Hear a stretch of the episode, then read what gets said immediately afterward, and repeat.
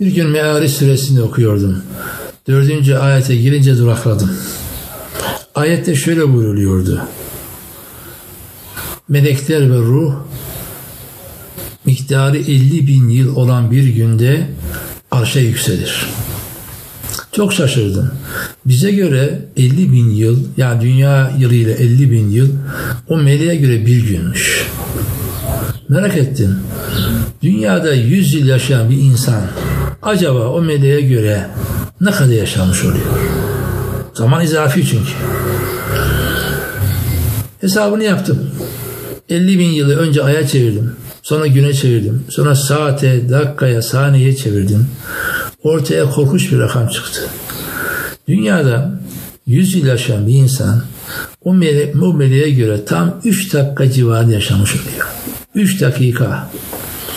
Hani bazıları derler e, Hazreti Peygamber e, Muhammed Peygamber ahir zaman peygamberi e, 1500 yıl oldu aşağı yukarı vefat edildi. Hala kıyamet kopmadı. O sana göre 1500 yıl oldu.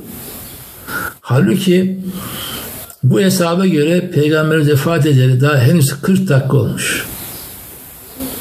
40 dakika daha bir saat bile değil. Dolayısıyla dünya hayatımız 50 yıl, 60 yıl, 70 yıl olan insanlar da var. Yani 50 yıl, 60 yıl yaşayan bir insan o meleğe göre tam 1 dakika, 2 saniye, 3 saniye yaşamış oluyor. O zaman şunu göz önüne almak zorundayız değerli dinleyenler. Ebedi hayatı kazanmamız için elimizde yaklaşık 2 saat, 2 dakikamız var. Bu kadar. Dünya boş, dünya boş, dünya boş diye kendimizi kandırmayalım. Dünya yalan diye kendimizi kandırmayalım. Yalan olan biziz.